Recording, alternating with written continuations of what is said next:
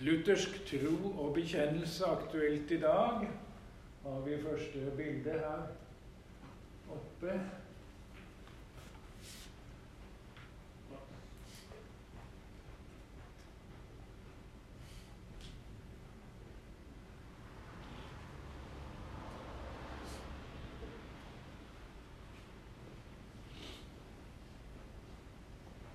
Ja, der kom det. Kan vi straks få bilde nummer to. Katekismens fem parter er like aktuelle i dag som før. Trosartiklene og eh, Fader vår fastholder den kristne Guds tro. Martin Luthers utlegninger peker på viktige ting som troen betyr for oss som Guds skapninger og Guds barn. Legg merke til hvordan Luther i forklaringene bruker trosartiklene på seg sjøl. Anvender dem på seg sjøl, slik at det objektive læreinnholdet framstår som personlig tro. Og Fader vår utlegges som troens bønn. Parten om dåpen og nattverden fastholder at Gud sjøl handler gjennom sakramentene. Alt dette er tidløst lærestoff, aktuelt til alle tider. Det er jo også de ti bud. Men akkurat som Luther i den store katekisme bruker veldig mye plass på å utlegge budene inn i samtidssituasjonen på 1500-tallet, så må vi utlegge budene inn i vår, konkret inn i vår samtidssituasjon. Alt dette gir oss et speil for vår lutherske bekjennelse. Hva taler vi om, og hva tier vi kanskje om? Bilde nummer tre.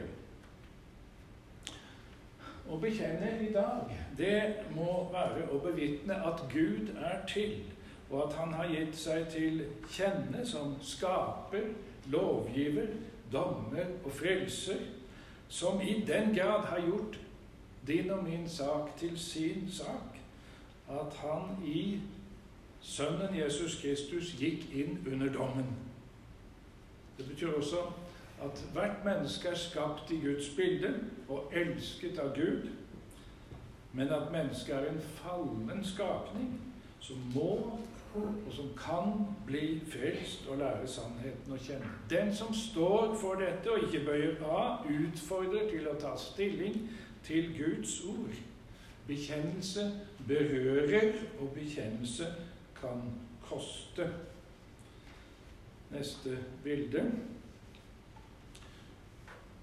Luthersk bekjennelse ja, det er en bekjennelse til Bibelens autoritet.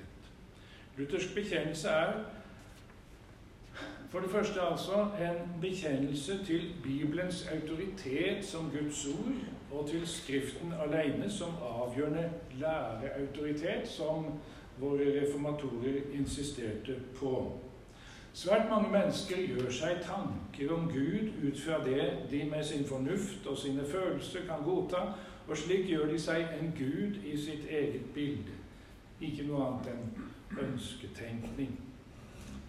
Andre bygger på kristen forkynnelse, men velger ut bare det som de kan godta, ut fra sine egne følelser. Det er veldig viktig for dem å ikke ha et skremmebilde, skremmebilde av Gud eller et skremmende gudsbilde, men noe som de føler trygghet ved. Gudsbildet må endelig ikke være preget av trekk fra strenge og straffende foreldre, men heller være preget av aksepterende og støttende omgivelser. Hører vi ikke mange ganger slike toner? Både evig fortapelse og timelig straff må forties. Det bryter jo med harmonien. Men Guds egen åpenbaring slår gudebilder og gudsbilder i stykker. Vi finner ikke Gud gjennom tankens flukt eller følelsens lengsler. Eller som Blaise Pascal sier, Gud er ikke filosofenes Gud, men Abrahams og Isaks og Jakobs Gud. Gud søker oss og har åpenbart seg for oss i ord og gjerning. Han erklærer at han er den som han er, 2. Mosebok 3. Slik som han gir seg til kjenne for oss i ord og gjerninger, slik er han.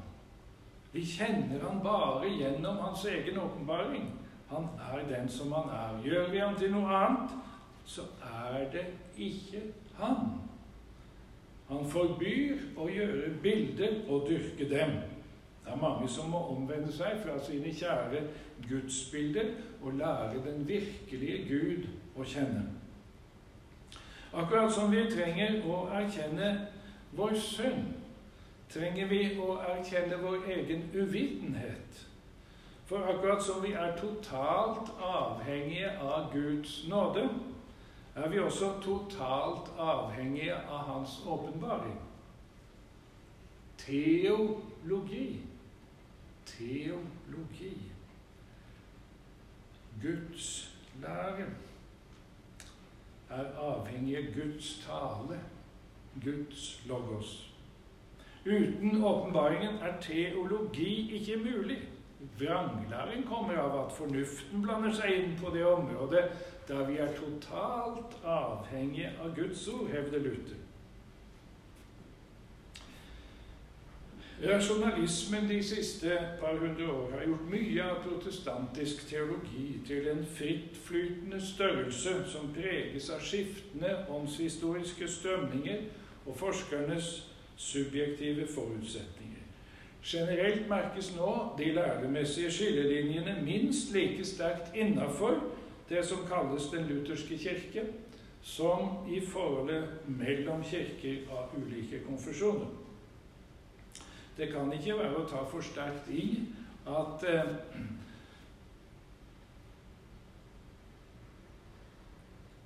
ikke minst såkalt lutherske folkekirker og i alle fall lutherske folkekirke, er blitt rasjonalistiske, skismatiske og svermeriske. I modernismen og enda mer i postmodernismen er utgangspunktet for kristendomsoppfatningen det tolkende mennesket og ikke det åpenbarte ordet. For tida merkes dette veldig sterkt på det samlivsetiske området. Men i skyggen av den debatten som har gått her, så er det tydelig at det har skjedd en erosjon i kristendomsoppfatningen generelt. Hvis ikke forutsetningen om Skriften som Guds enhetlige og klare ord holder, er kristen teologi som teologi umulig. Men troen vet at forutsetningen holder. Som apostelen skriver i 1. Tesalonikerbrev, kapittel 2, vers 13.: Da dere fikk det Guds ord som vi forkynte, tok dere imot det, ikke som menneskeord, men som det i sannhet er som Guds ord, som også viser seg virksomt i dere som tror. Neste bilde.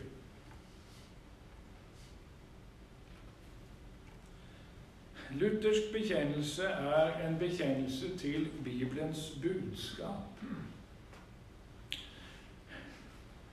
For det andre er altså luthersk bekjennelse en bekjennelse til Bibelens budskap, og budskapet er dobbelt, for Guds ord har to sider loven og evangeliet. Loven forkynner Guds krav, evangeliet forkynner Guds frelse, og begge deler skal og må forkynnes. Det kan være noen som tror at det er spesielt luthersk å tie om loven og utelukkende forkynne evangeliet, for til sann enhet i Kirken hører det å være enige om evangeliets lære og sakramentenes forvaltning ifølge den augsburgske bekjennelse. Da trenger en kanskje ikke være enig om loven, da. Noen tenker jo sånn, men det er ikke lutherdom, det er antinomisme. Antinomisme, hva skal vi si på norsk? Nærmest lovfiendtlighet. En prest skal ha sagt det er ikke Kirkens oppgave å forkynne evangeliet. Jeg gjentar det er ikke Kirkens oppgave å forkynne evangeliet. Det er Kirkens oppgave å forkynne lov og evangelium. Philip Melanchthon Augustanas hovedforfatter, skriver i en tese, disputastese det er ikke tillatt å forsømme de ti buds gjerninger, selv om de ikke rettferdiggjør. Jesu ord i Lukas 24, 47 om forkynnelsen av omvendelse og syndenes forlatelse, omvendelse og syndenes forlatelse, sto for Melanchthon som en nøkkel til den rette forkynnelse av evangeliet. Målet med den kristne forkynnelse og undervisning er at folk gjør bot, omvender seg og tror evangeliet, og som frukt av det gjør gode gjerninger.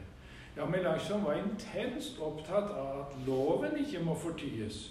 Loven er altså nødvendig, sjøl om den ikke er tilstrekkelig. Lov skaper ikke kirke og er derfor ikke et kjennetegn på Kirken. Men den er like fullt nødvendig. Den sanne kirke lærer ikke bare loven, men også evangeliet, som Melanchthon sier i en tese. La oss minne om et helt grunnleggende forhold.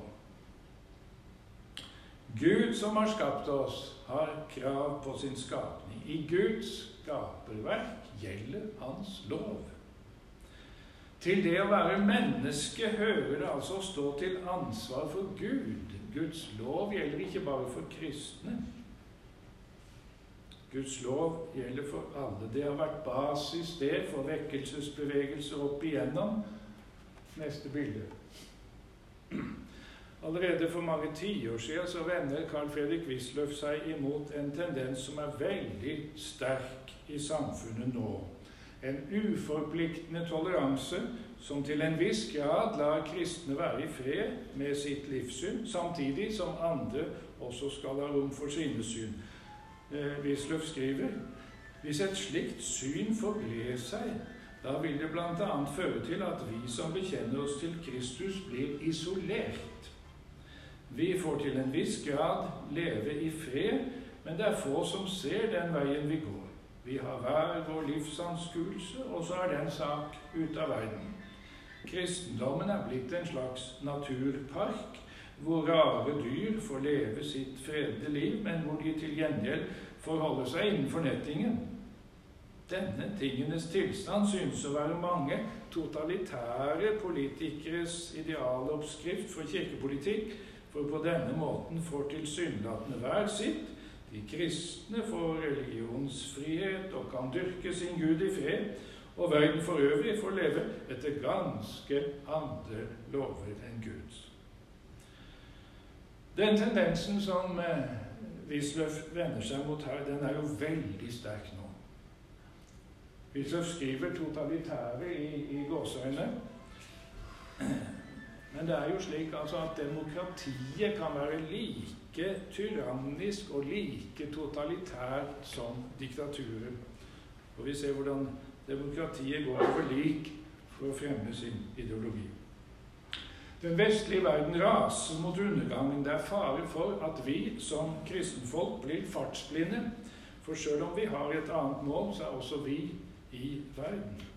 Og Det er fare for at vi slår oss til ro med de smuler som kastes til oss under den ville ferden.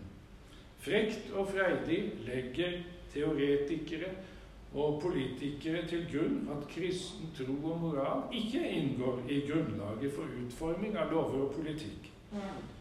I et slikt samfunn blir gudfryktige mennesker fremmedgjort. Og hva skjer blir vi spake og stumme? Godtar vi en sånn dimmi-status i land som vi for få tiår siden kalte kristne land? Godtar vi den moderne tesen at staten må være sekulær? Stemmer det med Jesu befaling om å gjøre alle folkeslag til disipler? Nytt bilde. Under krigen Våren 1941 reiste biskop Eivind Berggrav rundt med det djerve foredraget 'Når kusken er gal'. Der anvender han læren om de to regimenter det åndelige og det verslige regimentet inn i en situasjon som tilhørerne gjenkjenner som sin egen under den tyske okkupasjonen. Vi skylder ikke staten noen slags lydighet som vi ikke skylder Gud. Vi står ene og alene til regnskap for Gud. Det er jo godt, men det kan også bety en veldig utfordring. Men det gir seg altså av det første bud, hevdet Berggrav. Og viste til Luther, som lærer at Gud er eneste øvrighet over all skapning, men Gud handler gjennom en verslig øvrighet og en åndelig kirke. Øvrigheten og kirken skal begge fremme kjærlighet og kjempe mot djevelen og hans rike, men på hver sin måte. Luther sto midt i frambruddet av en moderne stat. En stat som var mer aktiv i oppdragelse i kultur og i åndsliv. Og en slik mer aktiv stat, som vi i dag i høy grad har med å gjøre, en slik mer aktiv stat må endelig ikke innbille seg at den har myndighet over samvittighetene. Den verslige øvrighet må sjøl stå under Gud som sin øvrighet. Og i dag er det en øvrighet etter Guds orden. Men Satan vil lokke til å søke makt uten rett. Men dermed er man i Satans rike. I et slikt tyranni er øvrigheten som en gal kusk eller en løpsk hest. En kan ikke lyde øvrigheten hvis øvrigheten krever noe som strir mot Guds bud. Da skal en først og sist lyde Gud, sjøl om en må lide for det her i verden. Fordi Gud står over både det åndelige og det verslige regimentet, så må en forkynner tale Guds ord til begge regimenter. Berghav sier Gud innsetter ikke en øvrighet og skyver båten fra og lar den fare sin egen sjø. Ordet skal lyne og lyse over denne øvrighet, så visst som Guds ord skal ramme alle samvittigheter til opplysning, til dom og til frelse. Ordet og lidelsen er Kirkens våpen. Kirken kan ikke tie til uretten uten at den blir medskyldig. Guds bud må forkynnes konkret og aktuelt mot all ugudelighet, vantro og synd. Menneskets unike verd må forkynnes. Menneskets høye mål må forkynnes. Løgnen om mennesket som bare et høyerestående dyr. Løgnen om den ufødte som ikke fullverdig menneske. Løgnen om livet og løgnen om døden må avsløres. Hvis ikke Guds lov holdes fram som forpliktende for alle mennesker, hvordan tror vi da at folk skal våkne opp? Hva ville skjedd med reformasjonen og andre vekkelsesbevegelser om ikke forkynnerne hadde latt det lyne fra Sinai?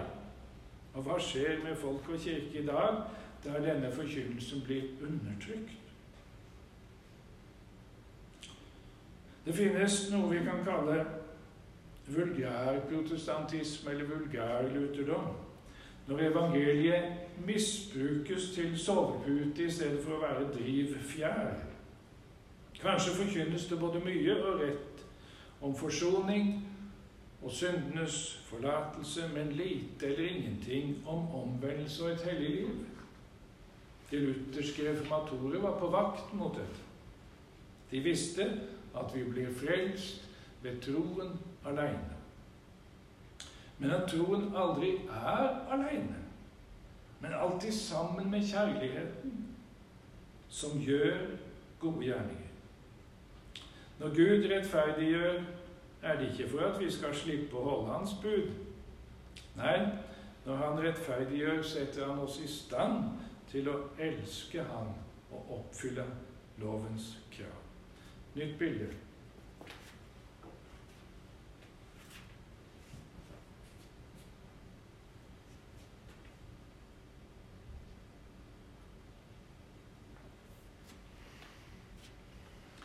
En ikke liten antinomistisk, altså lovfiendtlig surdeig har flere steder fremkalt den farlige kortslutningen at Jesus har holdt loven for oss for at vi skal slippe å holde den, sa Erling Utnem i sitt foredrag 'Visitas' på bedehuset for mange, eh, mange, mange år siden.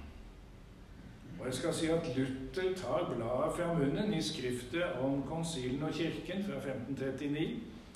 Der kritiserer han predikanter som nok taler godt og alvorlig om den annen trosartikkel, om eh, Kristi nåde og syndenes forlatelse, men som unngår å tale om helliggjørelsen og det nye livet i Kristus. De mener nemlig, sier Luther, at en ikke skal forskrekke eller bedrøve folk, men alltid forkynne trøsterikt om nåden og syndenes forlatelse i Kristus, og for all del unngå å si som så Hører du?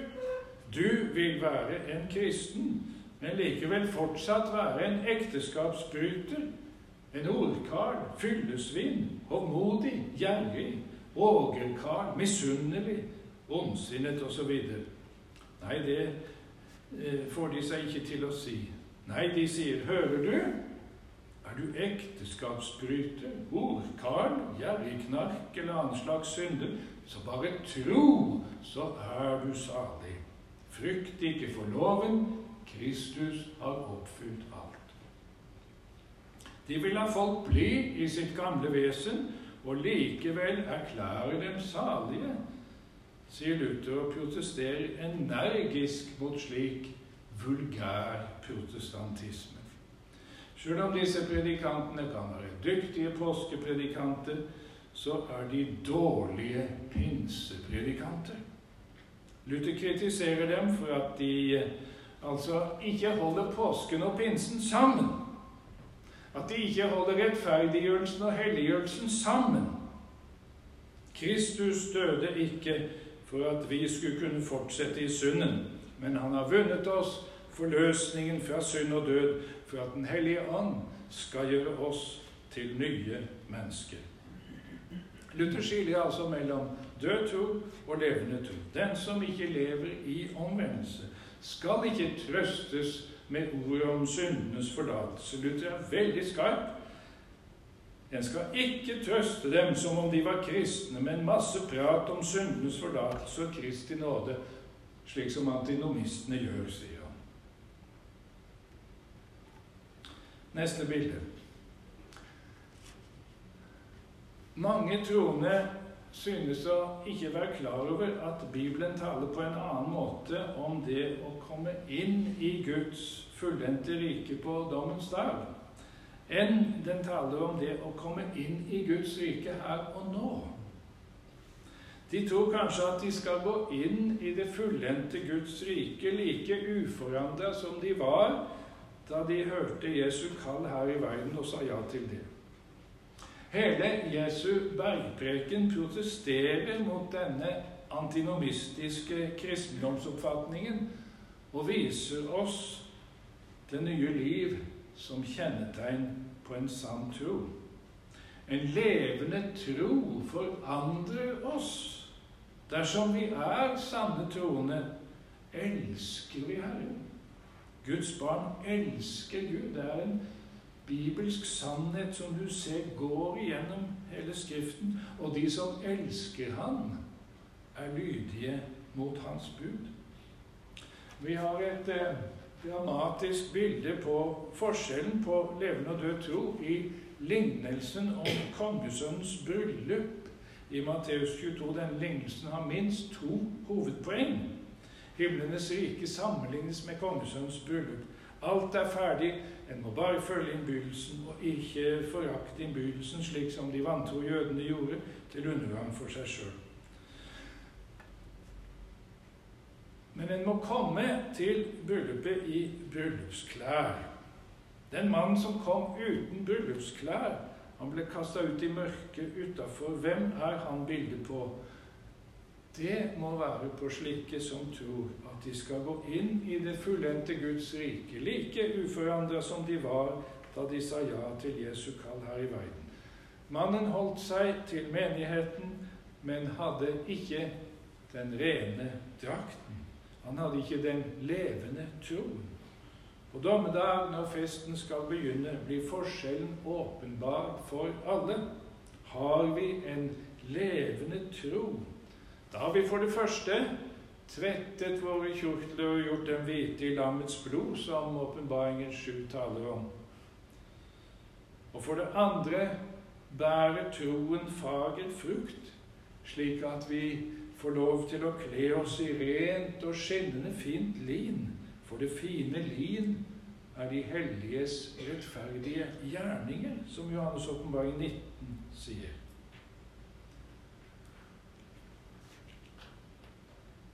Livet som en kristen er den gylne middelvei mellom to villspor. Det ene villsporet er loviskheten, som oppfatter frelsen som lønn for å holde budene. Det andre er lovløsheten, som trøster seg med en død tro som ikke er virksom i kjærlighet. Guds lov vil alltid ha den dobbelte virkningen at den både viser hva Gud krever av oss, og avslører og anklager oss som syndere. Og evangeliet er alltid en Guds kraft til frelse og en Guds kraft til helliggjørelse. Neste bilde. En kristen er frelst til et nytt liv med nye muligheter til å gjøre Guds vilje. Jesus kom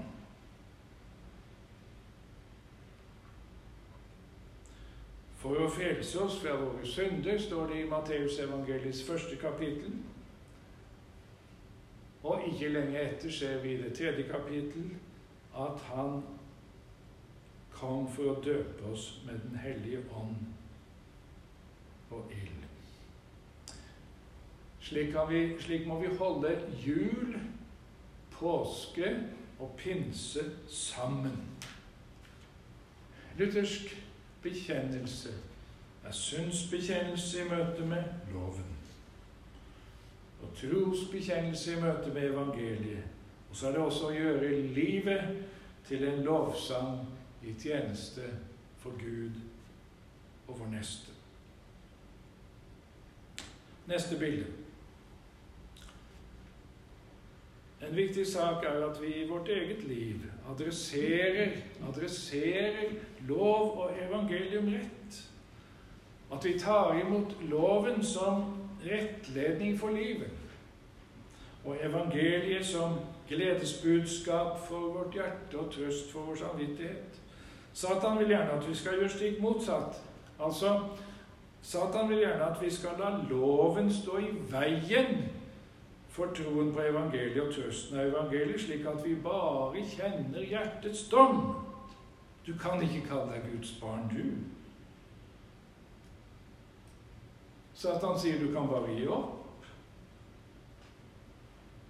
Og på den annen side så er jo sjelefienden veldig fornøyd hvis han får oss til å misbruke evangeliet som sovepute for livsførselen. Er det ikke troen vi blir rettferdiggjort ved? Hvilken rolle spiller det om jeg lever etter mine lyster? Satan vil jo gjerne at vi skal bedra oss med en død tro.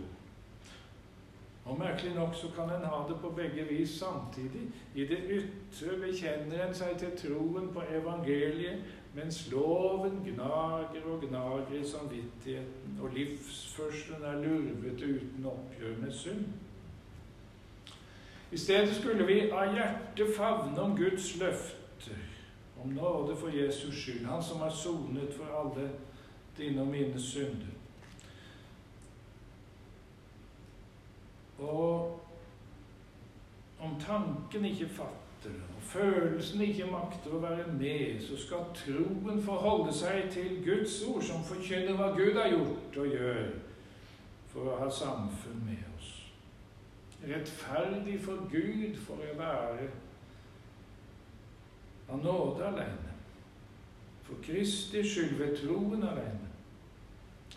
Da blir vi i stand til å ta loven til oss som rett hentes noe for livet, og det skal vi gjøre. Loven lar oss aldri lure oss unna våre plikter. Dersom dere elsker meg, da holder dere mine bud, sier Jesus. Se på Sakkeus, hvor glad han ble fordi Jesus ville ha fellesskap med ham. Se for en forandring det ble i Sakkeus' liv. Halvdelen av det jeg eier, gir jeg til de fattige.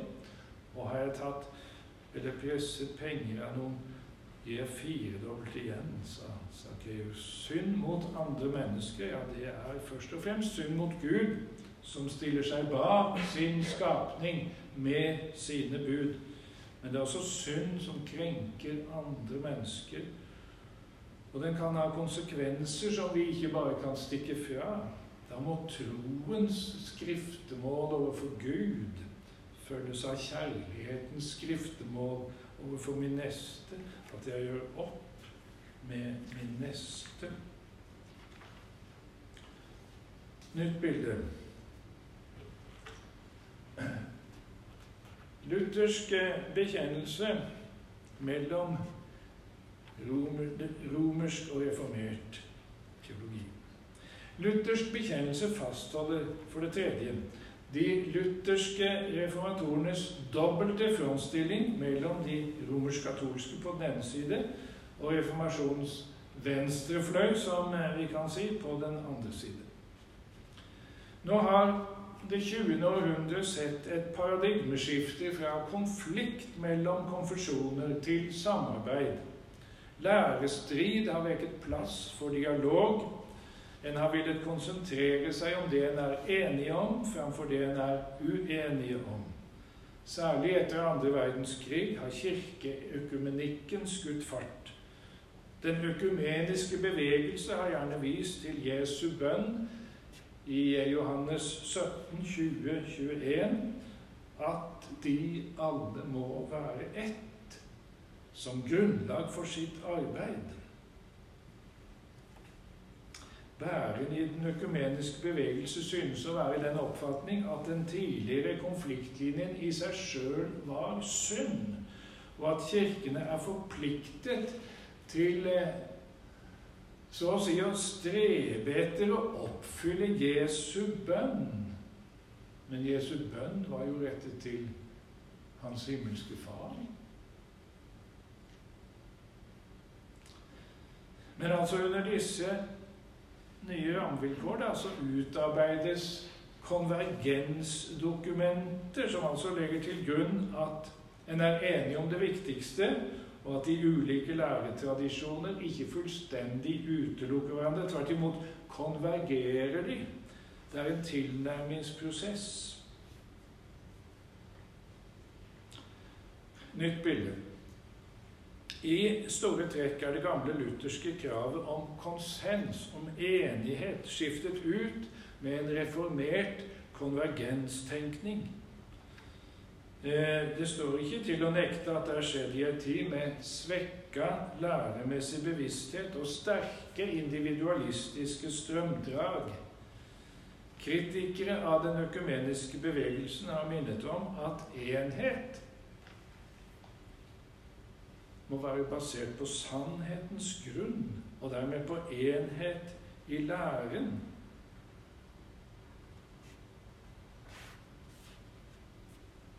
Som det står i Efeserne 4. Ett legeme og én ånd, like som dere er kalt med ett håp i deres kall. Én Herre, én tro, én dåp, én Gud og alles Far, Han som er over alle, og gjennom alle og i alle. Det understrekes jo også i den lutherske bekjennelsen. Eh, kirken kjennes på enighet om evangelisk lære og sakramentenes forvaltning. Det er grunn til å spørre om ikke den moderne kirkeøkumenikken beror på et ubibelsk menneskesyn og et herlighetsteologisk kirkesyn dere vet vel at evangelisk-luthersk teologi er korsteologisk. Og, da regner vi med realistisk tenker jeg, at her i verden må det være partier, som Paulus er inne på i første kor 11. den sanne kirke er etter luthersk syn skjult, men den kjennes på at evangeliet læres rent og sakramentene forvaltes. Men hvor mange som i sannhet hører med til den sanne kirke, ja, det manntallet finnes bare i himmelen. Våre reformatorer ønsket ikke å fremme særegne læremeninger, men å fastholde og bekjenne det som ut ifra Bibelen alltid har vært den kristne kirkes sanne lære. En luthersk bekjennelse insisterer på at det er en gyllen middelvei mellom de romersk-katolske på den ene side og f.eks. baptister og pinsevenner på den andre side. En luthersk bekjennelse gjør derfor krav på å være sant, sant økumenisk.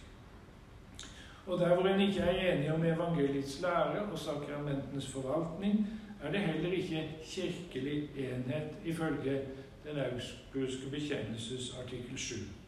Det gjelder til høyre i forhold til katolikker, det gjelder til venstre i forhold til baptister og pinsevenner og andre. Og det gjelder jo også i forhold til bibelkritisk liberal teologi, og jeg tenker at vi nå må legge til i forhold til herlighetsteologisk ensidighet. Neste bilde.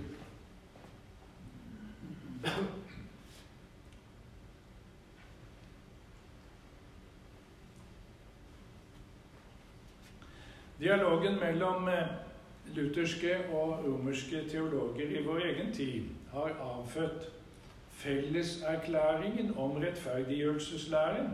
Den ble vedtatt av Romerkirken og Det lutherske verdensforbund i 1999, og også fikk tilslutning av Metodistkirkens verdensråd i 2006. Og som har blitt til i et samarbeid mellom Vatikanets råd for fremme av kristen enhet og Det lutherske verdensforbund. Felleserklæringen vil vise at forskjellen mellom evangelisk-luthersk og romersk-katolsk rettferdiggjørelseslære ikke er kirkesplittende. Erklæringen forstår seg sjøl som et viktig ledd på vei mot synlig kirkefellesskap. Det er mange bibelske og evangeliske tanker i felleserklæringen, og det kan vi glede oss over. Erklæringen bekjenner uten omsvøp at vi er helt avhengig av Guds nåde om vi skal bli frelst. En del av det spesifikt romersk-katolske tankegodset kommer bare dempet til uttrykk.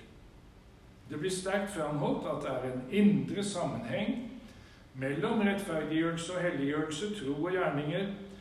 Og det vil eh, vi også som evangelisk-lutherske troende understreke. Men vi kan ikke dermed si at evangeliet blir lært rent i felleserklæringen. Slik som læreforskjellene er framstilt i erklæringen, kan det være vanskelig å få øye på bakenforliggende motsetninger.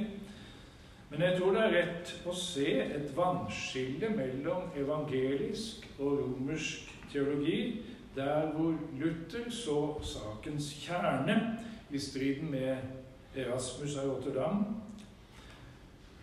I spørsmålet om mennesket formår noe som helst eller overhodet ingenting i frelsestilegnelsen.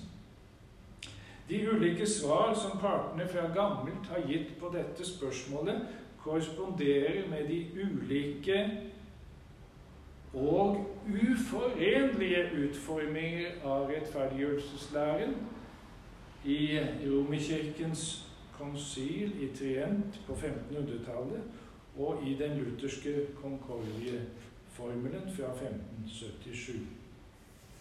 Der hvor de romerske taler om en forberedende nåde og rettferdiggjørelsens utfoldelse i gode gjerninger, sier de lutherske at verken forutgående anger eller etterfølgende gjerning har noen plass i læren om rettferdiggjørelsen. Rettferdiggjørelsen er så å si det matematiske punktet der synderen i tro tilegner seg Kristus og blir et gudsbarn.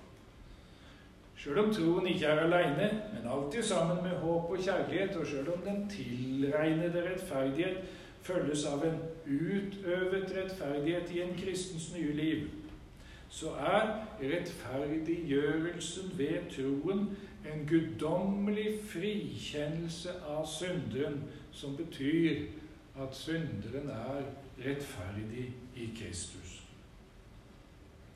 Menneskesynet og læren om, om frelsestilegnelsen henger nøye sammen. Augsburgs bekjennelse sier i artikkel 20 at den evangelisk-lutherske rettferdiggjørelseslæren må føres tilbake til kampen i den forskrekkede samvittighet, og at den ikke kan forstås uten denne kampen. Det viser hvordan luthersk menneskesyn og luthersk rettferdiggjørelseslære henger sammen med spenningen mellom loven og evangeliet. Nytt bilde. Paulus lære om rettferdiggjørelsen som Luther gjenoppdaget, har særdeles stor sjelesørgisk betydning og svarer nøye til den anfektende samvittighetskamp. I den augsburgske bekjennelses artikkel 20 står det samvittighetene kan ikke beroliges ved noen gjerninger i det hele tatt, men bare ved troen, når de med visshet holder fast på at de for Kristi skyld har en forsonet Gud slik som Paulus lærer i Romerne 5, rettferdiggjort ved troen har vi fred med Gud. Og Det betyr at det går an å være viss på å være frelst. Den romersk-katolske kirke sier i full erkjennelse av sine egne nederlag kan den troende likevel være forvisset om at Gud vil at den skal bli frelst. Ja, det er en stor trøstegrunn. Gud vil. Men evangelisk-luthersk teologi vil si i erkjennelse av sine egne nederlag kan den troende likevel være forvisset om at han er frelst for Kristi skyld. Og vissheten om å være frelst er groben Det er jo groben for å elske Gud, vissheten om å være frelst, frigjør til tjeneste. Men vissheten må ikke forveksles med kjødelig sikkerhet. Ransak dere selv om dere er i troen. Prøv dere selv, sier Paulus i 2. Korinterbrev 13. I rettferdiggjørelsens matematiske punkt er troen aleine. Men i samme nå begynner helliggjørelsen. Det er ikke noe tid imellom. Men helliggjørelsen springer ut av rettferdiggjørelsen. Hvor ofte har ikke en synder kjent det når syndene ble tilgitt? Da får vi samfunn med Gud og kommer inn i kjærlighetens gode sirkel. Kjærlighetens gode sirkel, som Johannes skriver om når han sier 'Vi elsker fordi Han elsket oss først'. 1. Johannes 4. Felleserklæringen illustrerer vår tids konvergensøkumenikk. Lærestandpunkter konvergerer uten at det er enighet, uten at det er konsensus. En søker å forstå hverandre og kanskje nærme seg hverandre uten at en er enige. Det er egentlig ikke noen bevegelse i den romersk-katolske læreposisjonen. Felleserklæringen har ikke brutt med Trienkonsilets definisjon av rettferdiggjørelsen til fordel for den reformatoriske, slik som den reformatoriske med utgangspunkt i Augustana og apologien, forsvarsskriftet for Augustana, er videreført i Concordie-formelen av 1577. Dersom Det lutherske verdensforbund hadde hatt Concordie-formelens rettferdiggjørelseslære som forpliktende referanseramme, ville neppe felleserklæringen ha blitt til. Nytt bilde. Middelalderkirken hadde satt sammenblandingen av lov og evangelium i system, og Romerkirken har ikke klart helt å løsrive seg fra dette. Den lutherske bekjennelse er radikal både i menneskesynet og i frelsessynet. I seg sjøl er det naturlige mennesket redningsløst fortapt. Ute av stand til å frelse seg sjøl. Frelsen er Guds verk aleine. Det handler om at Gud finner en kostbar skatt som han har mista. Og det handler om at han viser nåde mot en synder som bare har fortjent straff. Vi må ha med begge disse perspektivene. Guds kjærlighet, som søker det fortapte, og som i Sønnen tar straffen på seg. En eh, misjonssambandsmann eh, sa en gang til meg noe sånt som at han syntes det var Jeg får gjengi litt sånn fritt eh, deprimerende.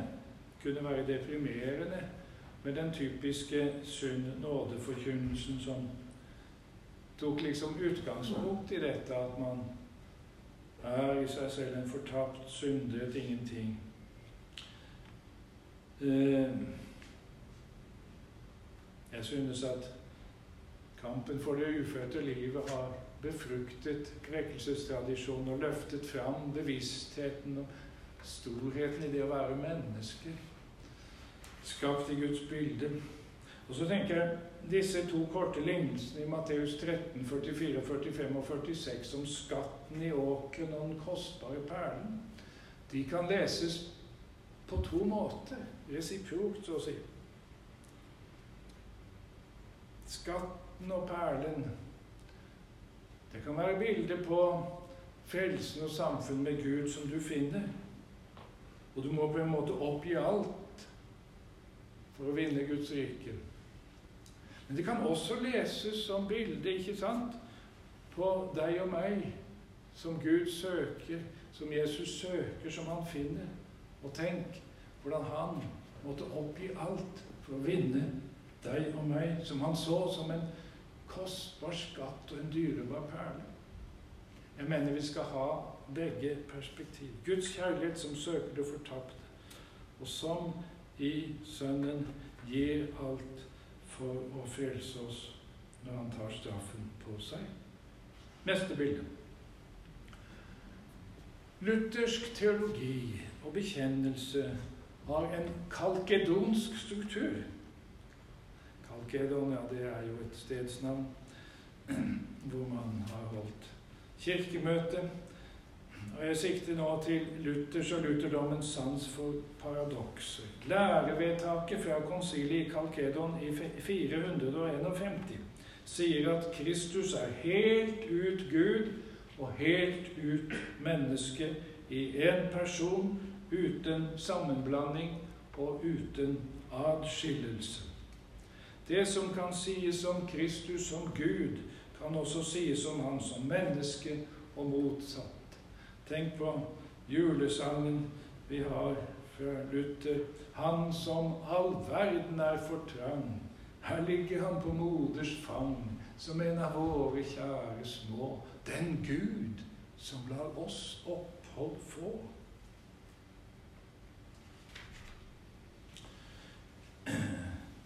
Neste bilde. I møte med paradokset kan vi la oss lede av fornuften og ta anstøt. Eller vi kan bøye oss for Skriften og bekjenne. Hvis troen følger fornuften, ender det i stummende mørke. Men hvis fornuften følger troen, blir det høylys dag. Å fastholde tilsynelatende motsetninger, det er bekjennelse. Den gamle kirke fastholdt at Gud er tre og én, eller én og tre. Ok, kan si det hvilken vei vi vil, det er det samme, fastholdt at Kristus er Gud og menneske. Kristendom er fylt av paradoksale sannheter. Vi blir frelst ved troen alene, men troen er aldri alene. Men alltid sammen med kjærligheten som er frukt av troen og gjør gode gjerninger. En evangelisk luthersk kristen bekjenner at han helt og holdent er en synder og helt og holdent er rettferdig. Helt og holdent en synder i seg sjøl, helt og holdent rettferdig i Kristus. Han bekjenner at dåpen er vann og Guds ord i forening, og derfor et frelsende nådemiddel. Han bekjenner at brød og vin i nattverden er ett med Kristi legeme og blod. En kristen er fri herre over alle ting og ingen undergitt. Og en kristen er en trell i alle ting. Han skylder å tjene alle og er undergitt alle. Neste bilde.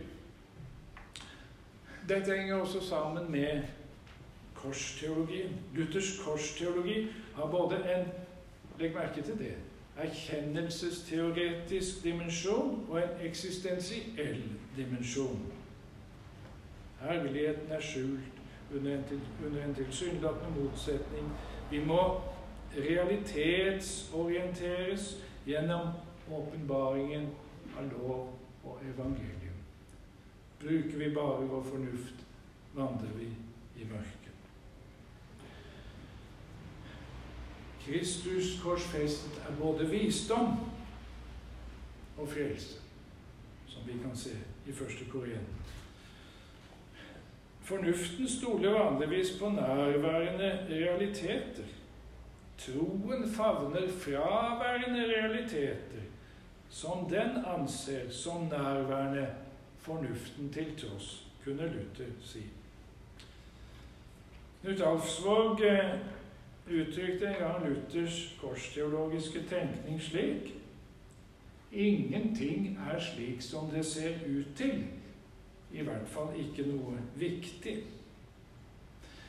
Vi vandrer i tro, ikke i beskuelse, sier Paulus. Salig er de som ikke ser og likevel tror, sa Jesus til Thomas. Inkarnasjonen har jo en analogi i Guds handling gjennom ordet og sakramenten. Som Gud ble menneske, blir Guds ord hørbar tale og lesbar tekst gjennom menneskers munn og hand, med skapende kraft. Ordet som også gjør vanndåpen til gjenfølelsens bad og brød og vin til ett med Kristi legeme og blod. Allerede på 1600-tallet prøvde luthersk teologi å skille mellom fundamentale og ikke-fundamentale trosartikler.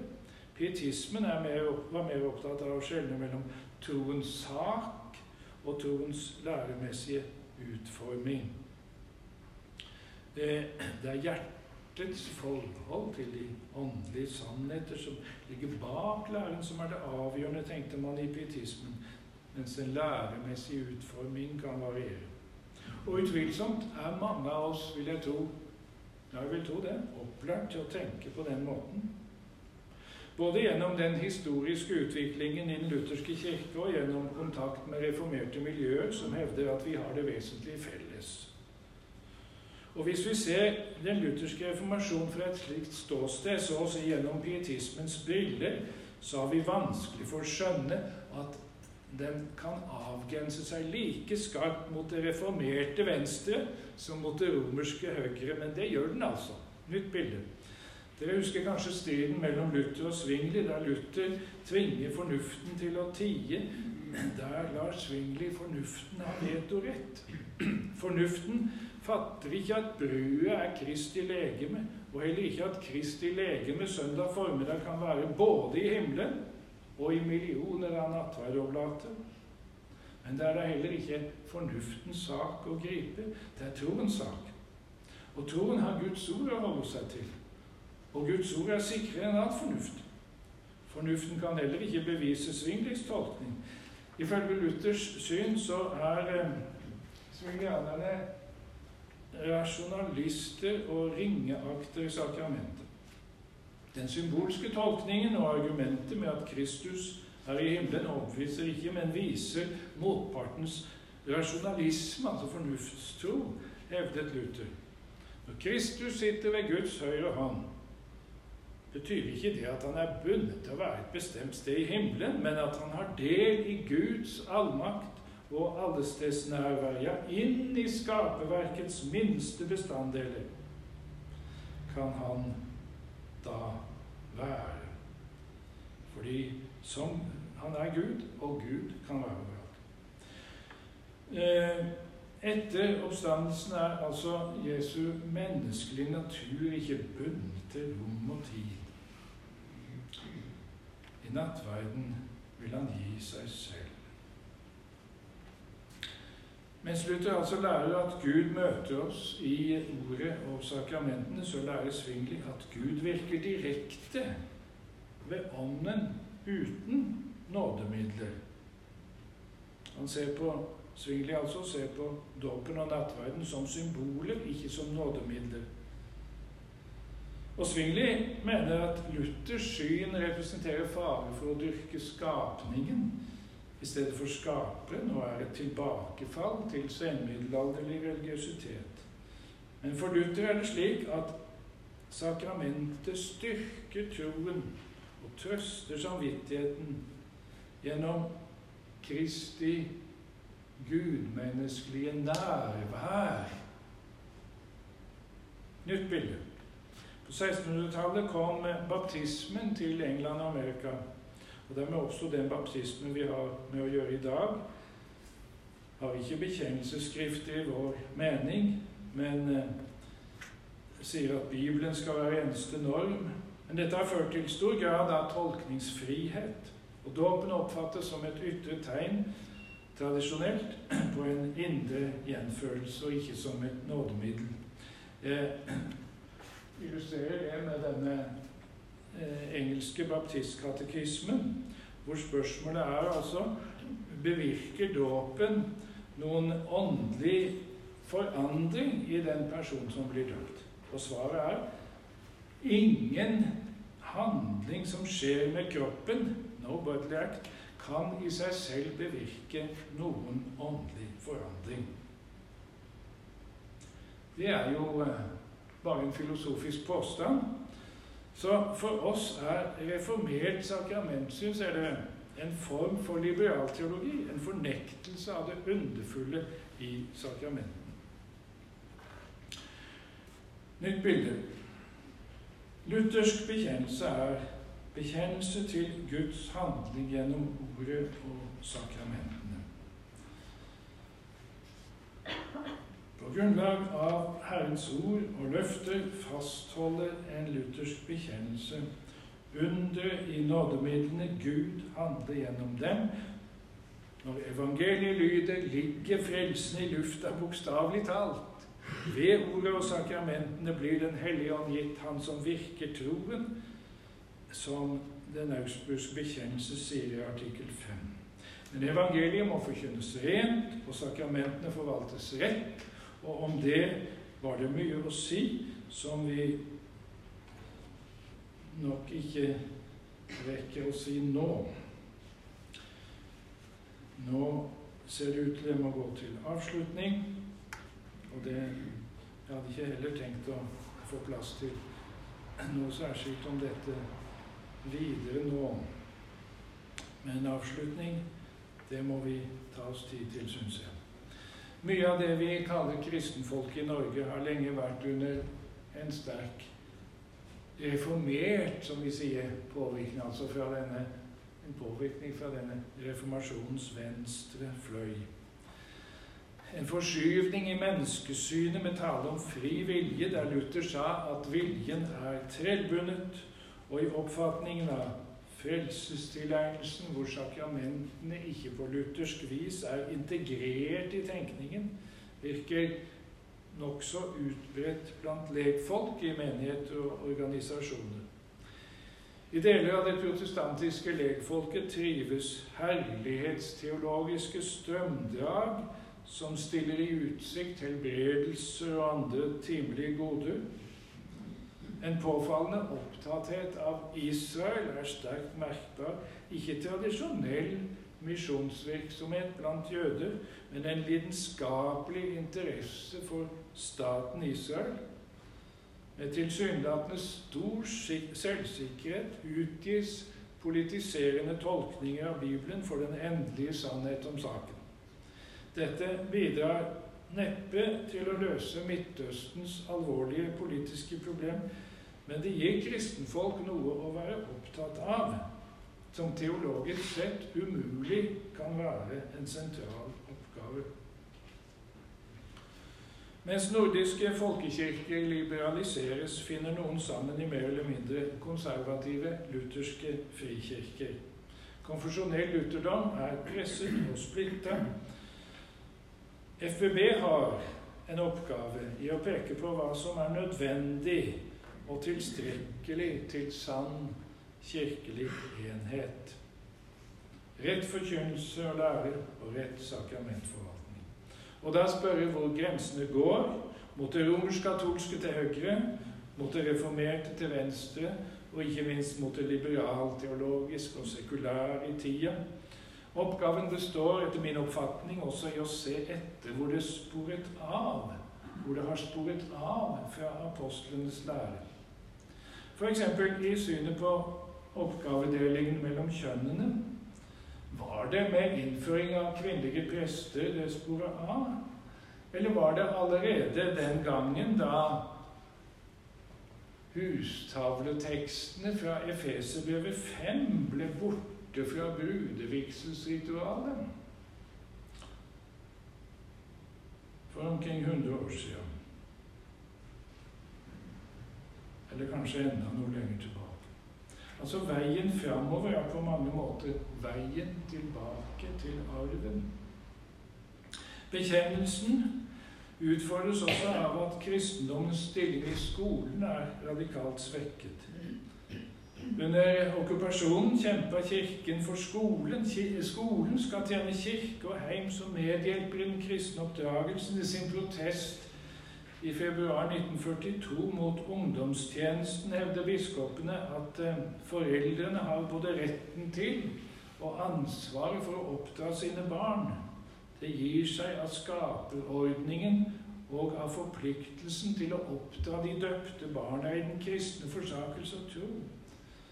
Hva er luthersk bekjennelse i forhold til oppdrageransvaret? Så vil ikke luthersk bekjennelse være noe annet enn sann kristen bekjennelse.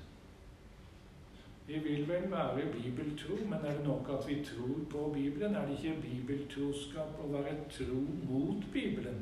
Å være tro mot Bibelen, ja, det koster. Det koster i forhold til vårt eget kjød. Og det koster i en verden som fornekter Gud eller glemmer Hans ord. Å være tro mot Bibelen er å være motkulturell. Det er å kunne stå aleine, også i en såkalt kristen sammenheng. Vi har vært innom situasjonen under andre verdenskrig. Som lutheranere i Norge har vi en stor arv fra kirkekampen under krigen å forvalte. En arv som langt på vei er skusla bort, men som må hentes fram. Kirken bekjente seg til sannhet og rett, til Guds ord og ordninger, ut fra Bibelen og bekjennelsen, og var villig til å ta omkostninger. Det hører bekjennelsen til. Motsetningen er å tie ja, i verste fall å fornekte. Og det kan friste, det, når omkostningene stiger. La oss ta oss i vare.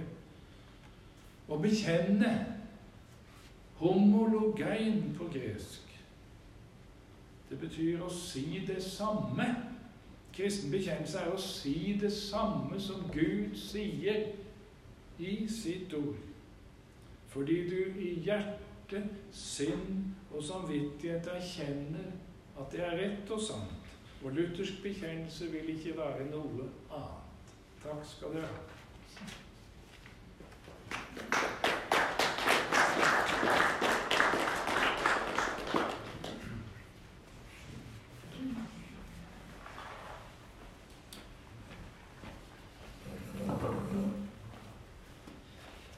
Tusen takk skal du ha, Ragnar Andersen. Det blir anledning til å stille spørsmål etter en liten kaffepause. Vi har òg et bord der vi har lagt ut noen skrifter som er til salgs. Og eh, det går an å samtidig gi en gave i kollekt til arbeidet i FBB Agder. Det heftet som vi har, det er skrevet av eh, Erling Utnem. Og eh, nå må du korrigere meg, Terje, hvis jeg sier feil, men så langt jeg husker, så er tittelen på det 'Korsteologi' eller 'Herlighetsteologi'. Korsteologi og herlighetsteologi. Korsteologi og herlighetsteologi. Det er til salgs for 50 kroner. Så har vi noen sånne små buttons med en lutherrose. De kan dere også eh, få kjøpt til en 10 kroner. Og eh, da er det lov å forsyne seg med litt kaffe og kjeks. Og da tenker jeg at vi tar ca. et kvarters pause. Og da blir det mulighet til å stille spørsmål etter det. Bare et lite, Når det gjelder akkurat dette her med bevertningen, så har vi ikke gjort så veldig mye forberedelse på det. Men hvis det er vel noen som vil ha knekkebrød med litt ost, så er det ferdigskåret ost. Men det er også mulighet til å ta ostehøvelen og skjære seg brunost på knekkebrød. Hvis det er liksom litt uh, mer mat i. Og ellers så er det jo kjeks der borte. Uh, jeg vet ikke om det er så lite at ikke vi skal synge for maten, men uh, vi har jo den kristne vanen å synge et bordvers. Jeg tror nok det var luthersk prinsipp også. Vi kanskje takke Gud for den maten vi allerede har på bordet. Et eget avsnitt i Lille katekisme om bordbønn. Ja. Jødene de takker Gud den, de for den maten de har fått. Men eh, vi har vanligvis ikke gjort det sånn. Men eh, vi kan jo synge et bordvers som vi er vant med. I Jesu navn går vi til bords og spise, drikke på ditt ord. Nei, Gud til lære oss til gang. så får vi mat i Jesu navn. Amen. Og det heftet som er tatt, det er på bordet der som Johan sitter. 50 kroner. Og kan bare legge i den lille esken der, eller store esken. Så er det greit. Jeg vil bare nevne at vi legger ut en liste for dere som har lyst til å um, få kontakt med FBB eller vil uh, vite noe mer om det som skjer her. Så er det fint hvis dere skriver dere opp med navn, telefonnummer og eventuelt mailadresse. Da kan dere ta kontakt med Tellef, som sitter der bak. Jeg lovte eh, foredragsholderen også, også reklamere litt for eh, doktorgraden. Han, altså Range Andersen har jo skrevet eller, En revidert versjon. Det er en revidert versjon. Det er ikke nok engelsk, men dere kan da bestille det på dette arket. du kan nevne den ekstrahetsboka mi òg, kanskje.